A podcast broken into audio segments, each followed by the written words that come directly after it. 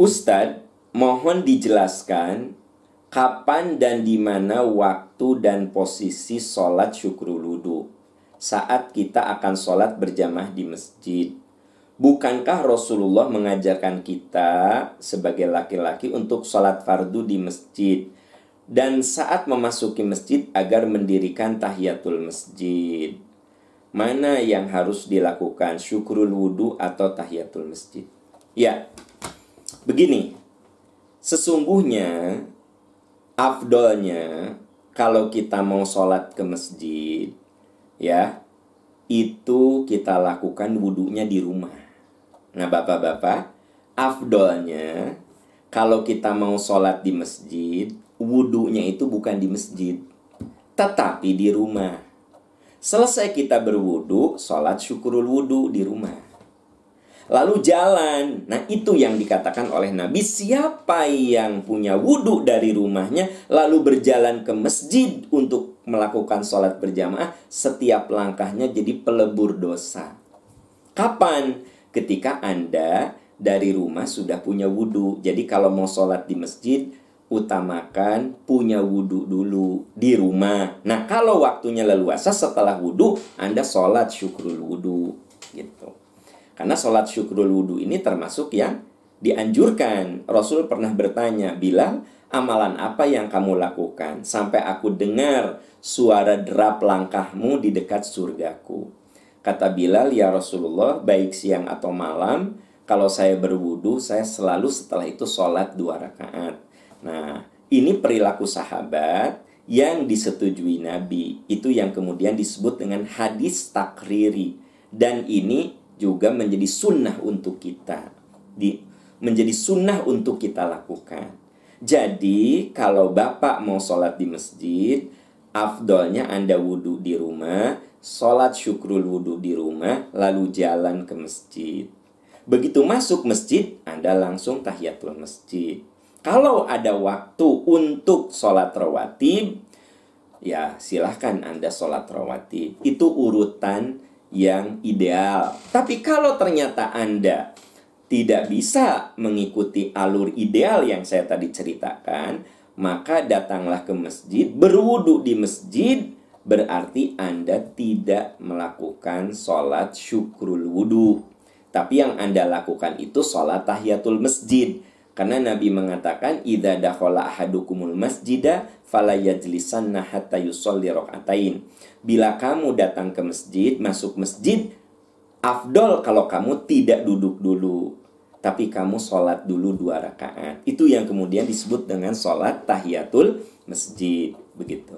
Ya, Oke, ya tentu saja jawaban ini untuk kondisi di mana kita tidak sedang kena ujian. Nah, kalau sekarang kita sedang mendapatkan ujian berupa mewabak menyebarnya ya COVID-19, maka yang afdol sekarang ini bagi bapak-bapak sholatnya di rumah saja, tidak di masjid, ya. Itu yang afdol. Kenapa? Karena darul mafasid muqaddamun ala jalbil masalih. Mencegah kemadorotan harus lebih didahulukan ketimbang kemaslahatan. Kalau saya tadi katakan dari rumah Anda jalan kaki ke masjid jadi pelebur dosa, kemudian di situ ada sholat tahiyatul masjid, ada sholat berjamaah, itu adalah kemaslahatan. Tapi kalau ada kemadorotan, rumus usul fikih mengatakan darul mafasid menolak kemadorotan muqaddamun harus lebih didahulukan, diprioritaskan. Berarti kalau sekarang ini kita tidak sholat di masjid, itu dalam rangka hifdun nafs, menjaga diri supaya tidak menjurumuskan pada kebinasaan. Dan ada firman Allah yang mengatakan wala aidikum ila tahluka.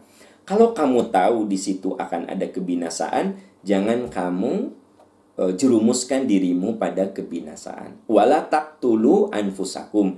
Jangan kamu celakakan dirimu. Nah, jadi jawaban saya tadi untuk kondisi normal. Sekarang kondisinya berbeda. Maka yang afdol sekarang ini bagi bapak-bapak kita sholat di rumah saja. Kenapa?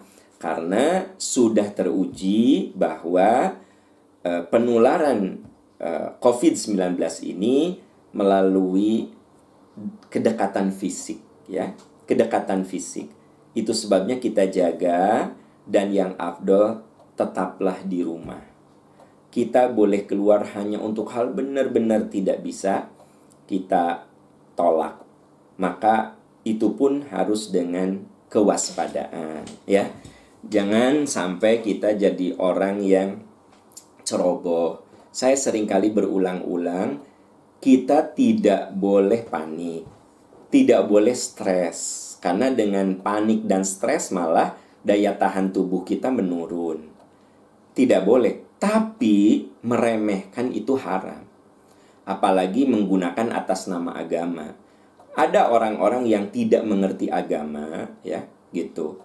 Dia pernah jadi panglima lalu mengatakan bahwa kita sholat berjamaah harusnya dekat dengan Allah.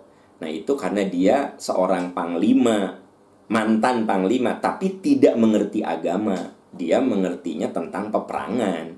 Ya kan kalau kita merujuk kepada uh, fatwa-fatwa para ulama yang arif, yang bijak ya justru kita kudu menghindari kerumunan. Bahkan sholat berjamaah saja kita hindari. Ya kan? Umroh saja kita uh, reschedule, kita tangguhkan begitu. Ini tiba-tiba uh, menyatakan bahwa Kenapa kita harus takut dengan corona? Takut itu dengan Allah Subhanahu wa taala. Nah, harusnya orang yang ngomong gitu, kenapa kita harus takut dengan harimau? Ya kan? Gitu.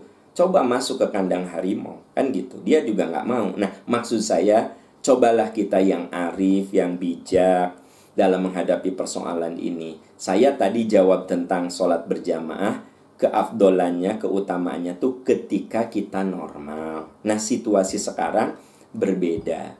Maka tolong situasi ini kita perhatikan. Kullu makom makol. Setiap ada konteks, pembicaraan itu disesuaikan dengan konteks. Jadi konteks yang saya tadi bahas tentang keutamaan berjamaah, berwudu dulu dan seterusnya, itu konteks dalam keadaan aman Nah, sekarang kondisi kita semuanya harus menahan diri di rumah masing-masing ya untuk supaya kita tidak tertular dan kita tidak menularkan. Jangan salah. Supaya kita tidak tertular dan kita tidak menularkan. Jadi dua manfaatnya. Kita tidak tertular dan kita pun tidak menularkan ke orang begitu. Nah, sehingga kemaslahatan ini akan segera uh, apa uh, kita rasakan. Ya.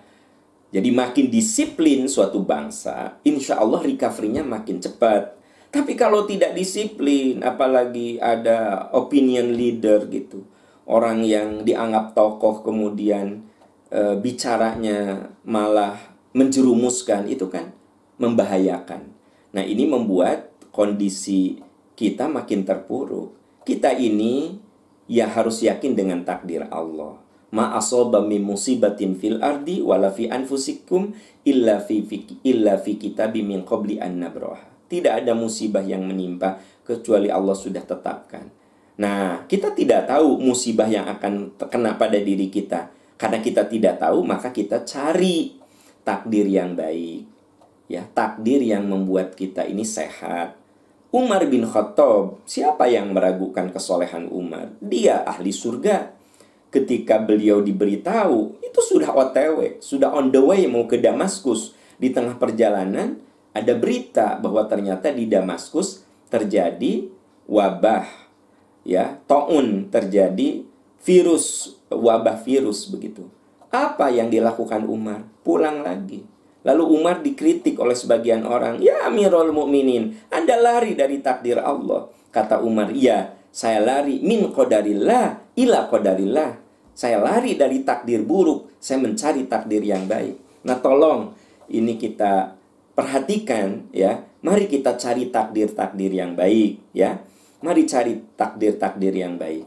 Semoga dengan cara begitu Allah menolong kita. Karena pertolongan itu turun juga harus ada ikhtiar dan upaya kita. Ya, kita harus yakin sebenarnya. Coba tanya ahli virus lah. Sebenarnya tidak ada yang bisa menghentikan virus kecuali Allah Subhanahu wa taala. Tidak ada yang bisa menghentikan ini kecuali Allah. Tetapi harus ada ikhtiar dari diri kita. Harus ada ikhtiar dari diri kita. Karena yang namanya takdir itu ada baik, ada buruk. Maka tugas kita mencari takdir yang baik. Yaitu dengan apa? Ikhtiar, berdoa. Ya nggak? Ikhtiar, berdoa. Berdoa, ikhtiar. Nah, salah satu ikhtiarnya adalah di rumah saja. Hindari kerumunan. Untuk sementara sholat di rumah. Tidak berjamaah. Bukan berarti menafikan keutamaan berjamaah. Bukan. Tapi untuk syadzud dzari'ah. Ya, hifdzun nafs dalam rumus agama itu. E, darul mafasid muqaddamun ala jalbil masalih. Itu ulama-ulama besar yang penuh ilmu itu mereka sudah tahu rumus-rumusnya ya nah tapi sekarang ada orang-orang yang tidak paham tentang agama cuma semangat saja dalam beragama dia lebih banyak bicara tentang keutamaan ke ya keutamaan itu berlaku untuk konteks keamanan untuk konsep untuk konteks dalam keadaan kita tidak sedang berada dalam musibah begitu ya. Saya kasih contoh sholat saja bisa dijamak. Kalau dalam keadaan yang eh, sangat darurat ya sangat darurat. Coba anda bayangkan terjadi banjir. Sholat anda boleh jamak empat duhur asar maghrib isya di tengah malam dan itu pernah terjadi pada zaman Rasul. Ketika Rasulullah eh, dalam perang Hondak ya kan terjadi perang Hondak penggalian kota Madinah itu. Tiba-tiba orang-orang kafir Quraisy dengan apa sekutu-sekutu mereka 10 ribu datang ke Madinah. Dan Nabi harus hadapi mereka. Akhirnya anda tahu Nabi menjama sholat duhur asar maghrib isya di tengah malam.